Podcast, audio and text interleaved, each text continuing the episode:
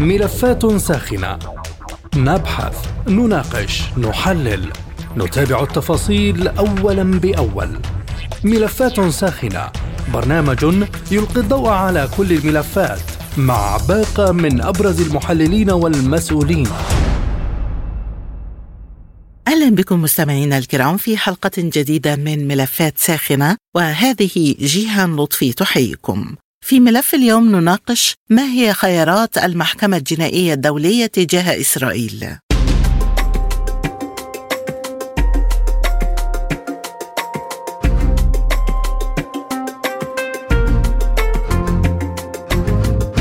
أعرب المدعي العام للمحكمة الجنائية الدولية كريم خان يوم الاثنين عن قلقه البالغ إزاء التقارير التي تفيد بوقوع عمليات قصف وتوغل بري إسرائيلي محتمل على رفح جنوب قطاع غزة. وقال خان في تغريدة إنه يشعر بقلق بالغ إزاء القصف الذي افادت تقارير بوقوعه واحتمال بدء توغل بري للقوات الإسرائيلية في رفح. وكشف خان أن مكتبه يجري تحقيقا مستمرا ونشطا حول الوضع في دولة فلسطين وقال إن مكتبه يمضي قدما في هذا الأمر باعتباره مسألة عاجلة للغاية بهدف تقديم المسؤولين عن الجرائم المنصوص عليها في نظام روما الأساسي إلى العدالة. فما هي خيارات الجنائية الدولية تجاه إسرائيل حول هذا الموضوع؟ تدور نقاشاتنا في ملف اليوم من ملفات ساخنة. البداية من دمشق ومعنا عبر الهاتف خبير القانون الدولي الإنساني الأستاذ نعيم أقبيق. أهلا بك معنا أستاذ نعيم عبر أثير سبوتنيك وبداية كخبير في القانون الدولي الإنساني ما هو تقييم حضرتك لتصريح المدعي العام للمحكمة الجنائية الدولية بأنه قلق للغاية من احتمال وقوع عمليات قصف وتوغل بري إسرائيلي في رفح. أول شيء تحية لك ولمستمعين إذاعتكم. ما نشاهده اليوم من جرائم حرب مذكورة بنظام روما بالمادة الثامنة بتفصيلاتها ال 42 جريمة مع تشعباتها. كلها اليوم تمارس من قبل إسرائيل داخل آه، إقليم غزة وخاصة تهديدها الآن بقصف منطقة رفح أو التوغل داخل منطقة رفح التي هي على حدود جمهورية مصر العروبة طبعا هذه الجرائم المدعي العام لمحكمة الجنايات الدولية إسرائيل موقعة يوم 31 12 2000 لكنها لم تنضم يعني والانضمام يكون حسب أحكام الاتفاقية بأن تعرض على برلمانها ومن ثم ترسل وثيقة التصديق والانضمام إلى الامين العام للأمم المتحدة لتكون طرفا في الاتفاقية. طبعا هي موقعة لتضمن حضور الجلسات الاستعراضية التي تتم كل خمس سنوات دون التزامها بالاتفاقية، لكن نحن اليوم التوغل هذا الكل يعلم تماما أن العدو الصهيوني بموجب اتفاقيات جنيف بأنه دائما ينذر قبل أي عمل عسكري للسكان المدنيين الذين تجب حمايتهم أينما كانوا. وحتى إذا كان الصهاينة أو إسرائيل يدعون بمبدأ الضرورة ومبدأ التناسب والنسبية، لكن مبدأ الضرورة هنا نحن نعلم تماما بأن بقانون الحرب اتفاقيات لاهاي لعام 1907 يضع هذا المبدأ ويقول إذا كان هناك هدفا عسكري محاط بأهداف مدنية فعلى القائد العسكري أن يتخذ جانب الحيطة والحذر باستهداف ذلك الموقع لكي لا يكون هناك عدد من الضحايا من المدنيين. اليوم هذا القطعه البسيطه من الأرض هذه القطعة البسيطة من الأرض يوجد بها مليون وسبعمائة ألف إنسان. أي هدف عسكري يعني بالمتر المربع الواحد يوجد أكثر من 15 أو 25 إنسان موجودين فيه، أي هدف عسكري سيكون هناك ضحايا مدنيين كبير عدد عدد خيالي، يعني ستكون هذه المجزرة وهذه الإبادة الجماعية أشد من كل افعال الإبادة الجماعية التي ارتكبوها منذ بداية توغلهم داخل إقليم غزة، ادعائهم بأنهم يمارسون الدفاع المشروع على الماده 51 من ميثاق الامم المتحده، هذا ادعاء غير صحيح، لأن غزة مساحتها ليست 340 كيلومتر، غزة عام 1951 أيام البريطانيين بمصر قاموا بالضغط على اللواء فوزي أو مع رياض فوزي ما أذكر اسمه بالضبط القائد العسكري لتلك المنطقة وتنازل عن 100 كيلو متر بموجب تخطيط غزة. وسموه اتفاق التعايش يعني بعد اتفاقية الهدنة بال 49 لكن عام 1955 1956 يوجد مثلث العوجة مساحته 296 كيلو متر مربع قاموا باحتلاله. إذا ما دخلت المقاومة الفلسطينية بكل فئاتها وصفاتها وتسمياتها دخلت إلى أراضي محتلة. إذا هي تخضع لاتفاقية جنيف الرابعة وما تم أخذه من تلك الأراضي من أسرى من المستوطنات وليس مدنيين وليسوا رهائن وليسوا مخطوفين لأن كما تعلم هناك اتفاقية نيويورك تعتبر هذه جرائم الخطف وأخذ الأسرى أخذ الرهائن جريمة دولية. فهو يحاول إسرائيل أن تدعي بأن هذه الأراضي هي الأراضي التي أقرتها الجمعية العامة عام 1948 بقيام هذا الكيان عليها وهي بأراضي إذا يقع عليها عدوان فهي تدافع عن أراضيها. وهذا كلام يعني ينافي الواقع والحقيقة والوثائق الرسمية. فيما يتعلق بمحكمة الجنايات الدولية محكمة الجنايات الدولية هي تحاكم أفراد وتفرض عقوبات بالحبس. لكن من شروطها أن يكون المدعي طرفا في هذه المحكمة يعني لا يكفي التوقيع. هناك مجموعة من الدول تقدمت وهي طرف بالمحكمة إلى المدعي العام لإجراء التحقيقات. المدعي العام اليوم أي بيان يصدر عنه يجب أن يرفقه بإدعاء إلى المرحلة التمهيدية في محكمة الجنايات. يعني اليوم هذه التصريحات أنا أعتبرها تصريحات إعلامية فقط لأنه هو المفروض به أن يتقدم إلى المرحلة التمهيدية يعني هو كنيابة عامة يتقدم بإدعائه إلى إلى لقبول الدعوة أو عدم قبولها. فبالتالي أنا أرى هذه التصريحات هي عبارة عن تصريحات إعلامية آه، وأنا يعني للأسف أشك بنزاهته لأنه هو يتبع يأخذ تعليمات وهذا يخالف حتى ميثاق الأمم المتحدة ويخالف النظام الداخلي للمحاكم الدولية لأنه شاهدنا برواندا وبغزافيا وبسيراليون وشاهدنا في غرف الخاصة بكمبوديا وغيرها وتيمور الشرقية بأن المدعي العام يجب أن لا يتلقى أي تعليمات وضميره هو الأساس وهو قاضي. فبالتالي اليوم آه، أطلق تصريحات لكن العدو الصهيوني يضرب بكل القوانين الدولية من قانون الحرب إلى القانون الدولي الإنساني يضرب به عرض الحائط، كذلك يعترض على الإجماع الدولي بقيام دولة فلسطين التي هي مقررة مع قيام هذا الكيان عام 1948 لكن هي على أراضي قرار التقسيم وليس على خمس حزيران كما يقولون حتى أخوتنا الفلسطينيين، الأراضي الفلسطينية التي تركت مساحتها تفوق أضعاف ما يقولونه عنه بخمس حزيران عام 1967 المدعي العام كريم خان يقول إنه قلق من احتمال الاقتحام. هل استخدام لفظ قلق يحمل أي صفة قانونية في هذا السياق؟ والله كما تعلمي يعني هلأ حاليا آه هذا المصطلح يستخدم بالمحافل الدوليه يعني حاليا سعادة الأمين العام يستخدم مصطلح الحزن والأمين العام الذي قبله كان يستخدم القلق. والأمين العام الذي قبله كان يشدد والأمين العام الذي قبله كان يقول سنتبع الإجراءات. ومن قبله يعني اذا رجعنا إلى كوفي عنان أو أوسانت كان يقول يكفيني شرف المحاولة. فما بالك بقاضي عندما يستخدم هذا المصطلح بالقلق؟ هو بيده القانون وبيده إجراءات قانونية. لا يكفي قلقه قلقه يقلق على نفسه لكن لا يقلق على على شعب. يباد إبادة جماعية على مرأى ومشهد من جميع العالم. أنا اليوم يعني أحمل المسؤولية من وجهة نظر القانون لهذا الكيان يعني المسمى إسرائيل بهذه جرائم الحرب وجرائم ضد الإنسانية خاصة يعني قصف المستشفيات وقصف مدارس الأونروا كمنظمة دولية تتمتع بالحصانة. هي بديلة عن اتفاقية اللجوء وكما تعلمي تماما أن محاربة الأونروا أيضا يجب على المدعي العام أن يتدخل بها لأن الأونروا هي وكاله غوث وتشغيل اللاجئين الفلسطينيين هذا مصطلحها في اللغة العربية الغوث ما هو الغوث؟ الأعمال الغوثيه كما جاء تعريفها بالجمعية العامة للأمم المتحدة هي الأعمال المستعجلة لبقاء متضررين من نزاع مسلح على قيد الحياة بتأمين الماء والدواء والكساء والمأوى وحتى المقويات وحتى الصرف الصحي.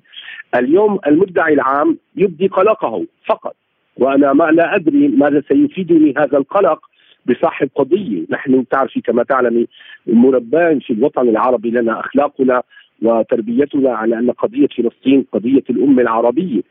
يعني اليوم لا يستطيع أن يحمل المسؤولية لأي طرف عربي. المسؤولية تقع كاملة على إسرائيل، مصر العروبة تفتح المعابر لم تغلق معابرها لكن هم من يعرقلون دخول المواد الغوثيه فأين أنت أيها المدعي العام من الجرائم المذكورة في المادة 7 والمادة 8 من إدخال الإمدادات الغذائية والأعمال الغوثية سواء جرائم ضد الإنسانية أو جرائم حرب إلى الأراضي المحتلة أو الأراضي التي بها نزاع مسلح. فليشرب هذا القلق بكأس من الشاي. ويكفيني ذلك. هذا ما أتوقعه منه ليس أكثر من ذلك. حضرتك أشرت إلى أن إسرائيل موقعة على ميثاق المحكمة لكن هل قرارات المحكمة ملزمة لإسرائيل؟ وهل تملك المحكمة آلية تنفيذ إذا ما قررت إدانة إسرائيل؟ هلا القضية القانونية يعني بدك ترجع للماده 127 ترجع إلى مواد اتفاقية نظام روما لعام 1989 الذي أصبح نافذا عام 2002 تماما. هذا النظام إسرائيل ليست منضمة له فقط موقعة كما ذكرت بالبداية هي موقعة وهذه الولايات المتحدة الأمريكية موقعة وسوريا موقعة وجمهورية مصر موقعة لكن نحن وقعنا ولم ننضم لأن العدو الصهيوني لم ينضم ولأن أمريكا لم تنضم. فبالتالي هذه القرارات هي هي محكمة تعهديه يعني تقوم على معاهدة وليس كالعدل الدوليه التي تقوم على ميثاق الأمم المتحدة من الماده 92 ل 96 من ميثاق الأمم المتحدة وهي تلك المحكمة تعتبر جزء من الأمم المتحدة ويعتبر نظامها الداخلي جزءا من ميثاق الأمم المتحدة. بينما هنا أنا أمام محكمة نشأت عن معاهدة. أي إنسان لم ينضم لها يعني استطاعته أن لا ينفذ قراراتها لكن هناك عدة نقاط قانونية يجب أن تسار بهذه الأيام النقطة الأولى هناك ما يسمى بالاختصاص العالمي أو الاختصاص الشامل وهو معظم الدول الأوروبية وكندا ومن الدول العربية اليمن والأردن ادخلوا النظام الشامل بقانون العقوبات العسكري. هذه هذا الاختصاص يعطي الصلاحيات لكل السلطات القضائية بهذه الدول بأن تحاكم وتدين كل من يرتكب جرائم حرب وجرائم ضد الإنسانية أو إبادة جماعية أينما وقعت وبأي تاريخ وقعت. يعني لا يعنيني التقادم. رواندا ويوغوسلافيا كانت أحداثهم بالتسعين. يعني صدرت قرارات مجلس الأمن ب 92 و 93 955 والقرار الآخر المتعلق برواندا حول الإبادة الجماعية، الآن الآن يتم محاكمة مرتكبي هذه الجرائم لأن هذه الجرائم لم تتقادم، لكن تلك محاكم خاصة يعني تم تشكيلها بموجب قرار صادر عن مجلس الأمن. أنا اليوم أتكلم عن الاختصاص العالمي، أنا لا أبني آمالا صدقا أنا لا أبني آمالا على محكمة الجنايات الدولية ولا على تصريحات المدعي العام، لأني أرى بأن هذه المحكمة عنصرية. توني بلير ودبليو بوش ارتكبوا جرائم في العراق وارتكبوا إبادة جماعية عام 2003 وكانت المحكمة ثانية. آه لماذا لم يدعى عليهم؟ ولماذا لم يحاكموا؟ هناك أشخاص كثيرين بيض شعر ما تم محاكمتهم بينما تم محاكمة بعض القادة الأفريقيين. يعني لن انسى موضوع أخوتنا في السودان والرئيس البشير ملاحقته بجرم إبادة جماعية وصدور مذكرة بحقه رغم أنه هناك عرف دولي وهو عرف ثابت ومتوارث بأن القاده عندما يكونون بمواقعهم رؤساء الدول والملوك لا يمكن تسليمهم، لكن هذا قاعدة عرفية والقاعدة العرفية أقوى من القاعدة التعهديه، لو أن المادة 27 من نظام روما تقول بأنه لا يعتد بالصفه للشخص الذي ارتكب جرائم الحرب وجرائم ضد الإنسانية وجريمة الإبادة، أنا اليوم أمام مفترق طرق أمام المجتمع الدولي، هل يريد أن تبقى قانون القوة أم قوة القانون؟ نحن نريد قوة القانون. هناك صيحات من جميع دول العالم ومن جميع شعوب العالم أن يكون قوة القانون هو الأساس وليس قانون القوة. إذا كانت إسرائيل تستخدم قانون القوة بالقمع والقصف والقتل لا تراعي حتى حرمة الأطفال والنساء والأطفال الخدج. فلتقرأ اتفاقية جنيف الأولى التي هي وقعت عليها والتزمت بها وانضمت إليها. عندما تستهدف عربات الإسعاف وعليها الشارة هي تخالف المادة 38 من الاتفاقية الأولى. عندما تستهدفها تخالف المادة 44 من الاتفاقية جنيف الأولى. أين أين الموقعين على اتفاقيات جنيف؟ الذين يلتزمون بموجب المادة واحد.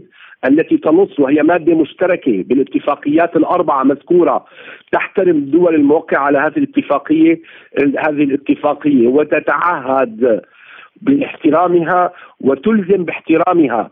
أين هذا القرار؟ أين الاتحاد السويسري اليوم الذي هو يعتبر الوديع والأمين على اتفاقيات جنيف؟ لماذا لا يدعو الأطراف الموقعة لالتزامهم بالمادة واحد باحترام اتفاقيات جنيف وأن تلتزم باحترامها وأن تفرض احترامها. أين المادة 48 الرابعة المكررة بالثالثة والثانية والأولى لا يحق لأي طرف متعاقد أن يتحلل أو يحل طرفا متعاقدا آخر من الالتزامات المترتبة عليه على اتفاقيات جنيف. الدول الصهيوني إسرائيل موقعة الأولى والثانية والثالثة والرابعة موقعة الثالثة فيما يتعلق بالأسرى عندها آلاف مؤلفة من الأسرى يجب المبادلة عليهم مع الأسرى الذين تم أخذهم من المناطق المحتلة ما يسمونها بغلاف غزة. هذا القانون وهي موقعة وملتزمة. يعني لا تستطيع أن تتملص. لكن للأسف نحن لا لا, لا نمشي بالبوصلة القانونية كما يجب، التعامل بالقانون يجب أن يكون من خلال نخبة من القانونيين من مصر العروبة من اشقائنا في لبنان في العراق. يجب أن يكون هناك من قبل اتحاد المحامين العرب. لجنة تدعم جميع الدول التي تترفع دعاوى على الكيان الصهيوني. وعندنا من القامات القانونية ما يكفي لأن نحرك بالمحاكم الدولية. مصر العروبة وحدها هي تمتلك أكبر طاقة قانونية في الوطن العربي تمتلك رجالات قانون يشهد لهم التاريخ بنزاهتهم وعدالتهم وفهمهم واستيعابهم للقانون الدولي. نحن اليوم أمام فعلا أمام مفترق طرق لابد من اتخاذ خطوات قانونية ويجب أن يسود القانون وهذا ما تطالب به كل المنظمات الدولية اليوم منظمات محبه للسلام حتى منظمات الخضر التي تحمي البيئة تطالب بتطبيق القانون الدولي لأن الإسرائيل وقعت عام 1976 على اتفاقية تم توقيعها بعدم استخدام تقنيات تضر بالبيئه، اليوم هي تستخدم بجسر جوي ما بين الولايات المتحدة الأمريكية وإسرائيل أسلحة تضر بالبيئة وهي منضمة إلى عام 1995 ليس فقط موقعة بل منضمة. فبالتالي هي من اختصاص مجلس الأمن أن ترفع أي دولة طرف بأي قارة كانت وتقول بأن إسرائيل تستخدم أسلحة تضر بالبيئة. فعلى مجلس الأمن أن يشكل لجنة تحقيق وينتقل إلى غزة ويتأكد من أن هذه الأسلحة هي مضرة بالبيئة، هذه نقطة أيضا يجب استغلالها ويجب اغتنامها ويجب البحث بها من قبل إخوتنا في تونس المنضمين وإخوتنا في مصر، مصر لا تقصر في المطالبه بحق العرب، يعني أنا اليوم بعض بسمع بعض الغمز وبعض الحكي على بعض الدول العربية، كل الدول العربية تقوم بواجبها القانوني وكل الدول العربية ملتزمة وتدافع، لكن كل في مجاله، حتى سلطة رام الله تقوم بدور قانوني كبير جدا. هي التي وثقت جرائم الحرب وهي التي زودت بها جنوب أفريقيا فلا يمكن أن أسمع من طرف دون طرف أو طرف يعادي طرف هذا الموضوع يجب أن نتجاوزه في الأمة العربية اليوم نحن اليوم أمام امتحان كبير جدا لنا جميعا. اذا أستاذ نعيم وبعيدا عن فكرة انحيازات المحكمة، ما هي خيارات المحكمة الجنائية الدولية إذا ما مضت إسرائيل في اقتحام رفح؟ وهل يمكن أن تصدر مذكرات اعتقال بحق قادة إسرائيل على غرار ما فعلت مع العديد من المسؤولين كما تفضلت هلا أنا اليوم برجع بقول لك المدعي العام مثل أي محكمة عادية هو يتقدم باتهام للمرحلة نسميها المرحلة التمهيدية، المرحلة التمهيدية ربما تقبل الدعوة أو ترفض الدعوة. الدول اللي تقدمت كلها أعضاء في المحكمة ما فيهم السلطة الفلسطينية، اذا هم أطراف في الدعوة. ويلتجئون إلى المعاهدة التي التزموا بها. آه إذا أصدرت المرحلة التمهيدية وأشك في ذلك أنا أشك في ذلك. يعني ان تصدر مذكرات توقيف. لكن أنا مثل ما وضحت بالبداية يجب الالتجاء أيضا إلى الاختصاص العالمي يعني إلى محاكم إسبانيا أو محاكم كندا أو حتى إنجلترا. يعني تتذكري شارون كلنا نذكر عندما صدر بحقه مذكرة كيف أنه هرب يعني فرارا من لندن حتى لا يعتقل. القضاء يجب أن يكون قضاء عادلا. يعني القضاء يجب أن يكون نزيها في اي دولة. يجب أن يتخذ الإجراءات القانونية. نحن اليوم أمام جرائم على مرأى ومسمع من المجتمع الدولي ومن كل العالم. يعني حتى الأطفال في دول العالم تشاهد جرائم قتل الأطفال في فلسطين. تشاهد جرائم هذا العدوان الوحشي الهمجي العقوبات الجماعية للشعب الفلسطيني. يعني اليوم أنا إذا بدي يرجع برجع بقول لك إذا باخذ جرائم ضد الإنسانية 70 جريمة ويمكن القياس عليها لأنه هذه الوحيدة نحن في الجريمة نقول لا جريمة ولا عقوبة إلا بالقانون. جرائم الحرب محددة على سبيل الحصر. جرائم ضد الإنسانية بعد أن حددها المشرع بنظام روما وقال أي عمل لا إنساني. إذا هو فتح الباب على مصراعيه لتحديد جرائم ضد الإنسان وهي جرائم أيضا دولية ولا تتقادم. يعني أنا باستطاعتي بعد عشرات السنين أن أدعي على هؤلاء القادة الصهاينة والمجندين. أنا فيما يتعلق بالجنايات الدولية يعني للأسف رغم إني أمارس فيها أنا للأسف أشك بأن يكون هناك مصدر مذكرات تصدر عنها لأنه لسه هناك مراحل لابد من قبول الدعوة من قبل المرحلة التمهيدية ومن ثم استعراضها ومناقشة المدعي العام ومن ثم صدور مذكرات. يجب الالتجاء إلى الاختصاص العالمي أفضل من الالتجاء لمحكمة الجنايات الدولية، ويجب مراجعة محكمة العدل الدولية أيضا لأن مدة الشهر التي أعطتها لهذا الكيان لإيقاف الإبادة الجماعية، هي لا تستطيع أن تصدر قرار بوقف إطلاق النار، هذا قرار سياسي ليس قرار قضائي. هي تطلب وقف الإبادة الجماعية. وإن كانت تجاوزت في قراراتها التمهيدية أو قراراتها المؤقتة بأن قالت وإطلاق سراح الرهائن هي سمعت من مايكل المحامي البريطاني الذي وكله العدو الصهيوني بأن هؤلاء رهائن وهذا يجب كان أن يناقش. أيضا أريد أن أضيف ملاحظة أخرى. آه المحكمة مشكلة من 15 قاضي محكمة العدل الدولية يضاف إليهم قاضيان. من الدولة المدعية ومن الدولة المدعى عليها العدو الصهيوني إسرائيل أحضرت قاضي هو رئيس المحكمة العليا وهو إيهودا باراك إيهودا باراك عام 2007 صدر قرار بإجازة الإبادة الجماعية للفلسطينيين كيف يكون قاضيا؟ لماذا لم يطعم بوجوده وأن تستبدله إسرائيل بقاضي آخر؟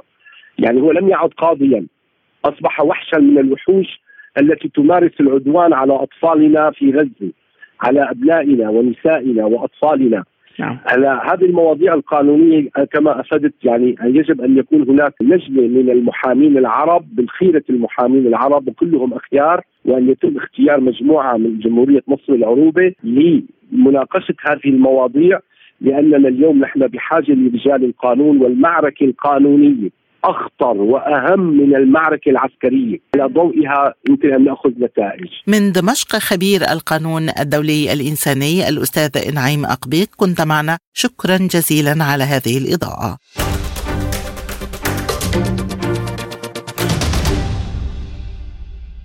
وحول المدى الذي يمكن أن تذهب إليه المحكمة إذا ما قررت إدانة إسرائيل معنا من القاهرة الدكتور مختار غباشي نائب رئيس المركز العربي للدراسات السياسية والاستراتيجية. أهلا بك معنا ضيفا عزيزا دكتور مختار عبر أثير سبوتنيك وبداية سؤال حلقة اليوم ما هي خيارات الجنائية الدولية تجاه إسرائيل بعد أن أعرب المدعي العام عن قلقه البالغ من توغل بري محتمل لإسرائيل في رفح. أهلا وسهلا بيكي واهلا بمستمعيك. خليني أقول لك المحكمة الجنائية الدولية عليها الكثير جدا من علامات الاستفهام خصوصا المدعي العام الحالي كريم خان. كانت كانت قدمت شكوى أمام المدعيه العامه للمحكمه الجنائية الدولية السابقة بن سودا خاصة بالجرائم الإسرائيلية التي ارتكبت 2014 2018 2019 2021 والسؤال الذي طرح على المحكمة ما هو قدرة اختصاص المحكمة بنظر الجرائم الإسرائيلية والأماكن اللي من الممكن أن تحقق فيها المدعي العام أو المحكمة هذه الجرائم؟ وانعقدت الدائرة الأولى التمهيدية داخل المحكمة الجنائية الدولية وأعطت لنفسها حق الاختصاص. أو صح التعبير أعطت للمحكمة الجنائية الدولية حق الاختصاص بنظر الجرائم الإسرائيلية الخاصة بارتكاب الاباده الجماعية والتهجير وغيره من مثل هذه الجرائم وأعطت أماكن غزه والضفة الغربية ومدينة القدس وفتحت تحقيق مبدئي في هذا النطاق. ثم تداعت أحداث بعد هذا الأمر منها على سبيل المثال اغتيال الصحفية الفلسطينية الشهيرة شيرين أبو عقلة وإقتحام إسرائيل لقيره جنين ودمار 80% من البنية التحتية ليها وأضيفت مذكرات أخرى أمام المحكمة الجنائية الدولية. ذهبت بن سودا وأتى كريم خان ثم انفجرت أوضاع منطقة الشرق الأوسط في 7 أكتوبر وما بعدها. وأتى كريم خان في إحدى زياراته إلى رفح واطلع بأم عينيه على الجرائم الإسرائيلية التي ترتكبها وتحدث حديثا كان أقرب إلى الحديث السياسي منه إلى الحديث القانوني. ثم قدمت أو قامت آه، دولة جنوب أفريقيا مشكورة بتقديم دعوة أمام محكمة العدل الدولية لإخلال إسرائيل بالاتفاقية الدولية لمنع جريمة الإبادة الجماعية اللي وقعت عليها إسرائيل 49 وصدقت عليها 51 وآتت التدابير الاحترازية التي صدرت من قبل المحكمة تاكيدا على أن إسرائيل ترتكب هذه الجرائم فتقدم أكثر من 600 محامي بالمناسبة بمذكرات أمام المحكمة الجنائية الدولية أضيفت جرائم أخرى خاصة بما ترتكبه إسرائيل في قطاع غزة واستند أو استندت بعض المذكرات التي قدمت إلى المحكمة الجنائية الدولية على ما آلت إليه من يقين ارتكاب إسرائيل لهذه المجازر وبناء عليه صدرت التدابير الاحترازية الخمسة أو الستة اللي أمهلت إسرائيل فيهم شهر عشان ترد عليها فأنا متصور أن المحكمة الجنائية الدولية وأن كريم خان المدعي العام للمحكمة في موقف حرج بالغ للغاية ومتصور إنه الطابع السياسي لهذه المحكمة حالة دون أن تستكمل التحقيقات التي أجريت لما قبل 7 أكتوبر بجانب الإضافة ما ترتكبه إسرائيل من جرائم ما بعد 7 أكتوبر. ولكن دكتور بعد كل هذه الأدلة كما تفضلت برأيك هل تذهب المحكمة إلى حد إصدار مذكرات اعتقال بحق قادة إسرائيل وإلى أي مدى يمكن أن تظل هذه المحكمة رهينة التجاذبات السياسية. إشكالية المحكمة الجنائية الدولية إن هي واضح إن هي خاضعة بشكل أو بآخر إلى يعني شكل من أشكال التسييس والدليل في ده أن المحكمة الجنائية الدولية عندما قدمت شكوى خاصة بروسيا على سبيل المثال آه، لم تتوانى في إصدار مذكرة توقيف خاصة بالرئيس الروسي بوتين في وقت كانت هناك أدلة قاطعة أمام هذه المحكمة لما قبل 7 أكتوبر وما بعد 7 أكتوبر خاص بالجرائم الإسرائيلية ولم لم تصدر آه، أي مذكرة اعتقال خاصة بمثل هذا الموضوع. وشواهد المحكمة تتحدث أنها تكيل بمكاييل متعددة وواضح أن الطابع السياسي غالب في هذه المسألة وإلا ما أصدرت مذكرة توقيف سابقه خاصة بعمر البشير الرئيس السوداني ومرة خاصة بالرئيس السوري وأخيرا خاصة بالرئيس الروسي ودي كلها آه، تخضع لمعايير مرتبطة بقدرة الولايات المتحدة الأمريكية والعالم الغربي على الضغط على هذه المحكمة، السؤال الأكثر حرجا إنه بإقرار المحكمة العدل الدولية وهي أكبر هيئة قضائية آه، منبثقة عن الأمم المتحدة اقرارا بأن إسرائيل ترتكب جرائم إبادة جماعية كثير من القانونيين وأساتذة القانون الدولي. والقانون الدولي الجنائي أقروا بأن المحكمة الجنائية الدولية في حالة عجز وإنه بموجب هذه التقارير وحكم محكمة العدل الدولية ليس أمامها بديل سوى أن تصدر مذكرات توقيف خاصة بالشخصيات الإسرائيلية التي ارتكبت جرائم على رأسها نتنياهو ساموتريتش آيتمار بن غفير آه، غالنت أريه درعي بيني غانتس آه، وغيره من الشخصيات الإسرائيلية. أخيرا دكتور الجنائية الدولية انضمت إلى محكمة العدل الدولية في التفاعل مع ممارسات إسرائيل. برأيك هل بدأ الحصار الدولي يحقم حلقاته على إسرائيل أم تظل هذه محاولات فاشلة قد تنال من هيبة المؤسسات الدولية القانونية؟ يعني أنا متصور أن هيبة المحكمة الجنائية الدولية على المحك وإنه آه، ما سيق أمامها من أدلة أو قرائن ما قبل 7 أكتوبر بالمناسبة ده ما بعد 7 أكتوبر دي مجازر قاطعة آه، خصوصا إنه آه، زي ما وضحنا إنه كريم خان نفسه آتى بزيارة إلى معبر رفح واطلع على الكثير وتحدث حديثا سياسيا فيما هو مرتبط بهذه المسألة بضرورة فتح إسرائيل فك إسرائيل للحصار المفروض على قطاع غزة إذا كنا بنتكلم عن منع الماء والدواء والغذاء وغيره أو بنتكلم عن آه، جرائم الإبادة التي ترتكبها إسرائيل داخل هذا القطاع. والرجل تحدث حديث ودعا إسرائيل إلى ايقاف إطلاق نار أو تهدئة أو غيره من مثل هذه الأمور ومذكرات توقيف صدرت بحق شخصيات سياسية على مستوى العالم لم تصل حجم جرائمها إلى جزء من أجزاء كثيرة جدا آه، ارتكبتها إسرائيل وترتكبها داخل قطاع غزة وفي مدينة الضفة الغربية. بحديثي إلى الدكتور مختار غباشي نائب رئيس المركز العربي للدراسات السياسية والاستراتيجية، نكون قد وصلنا إلى ختام حلقة اليوم من ملفات ساخنة، قدمته لكم جيهان لطفي وللمزيد زوروا موقعنا على الإنترنت سبوتنيك dot إي شكرا لطيب المتابعة وإلى اللقاء.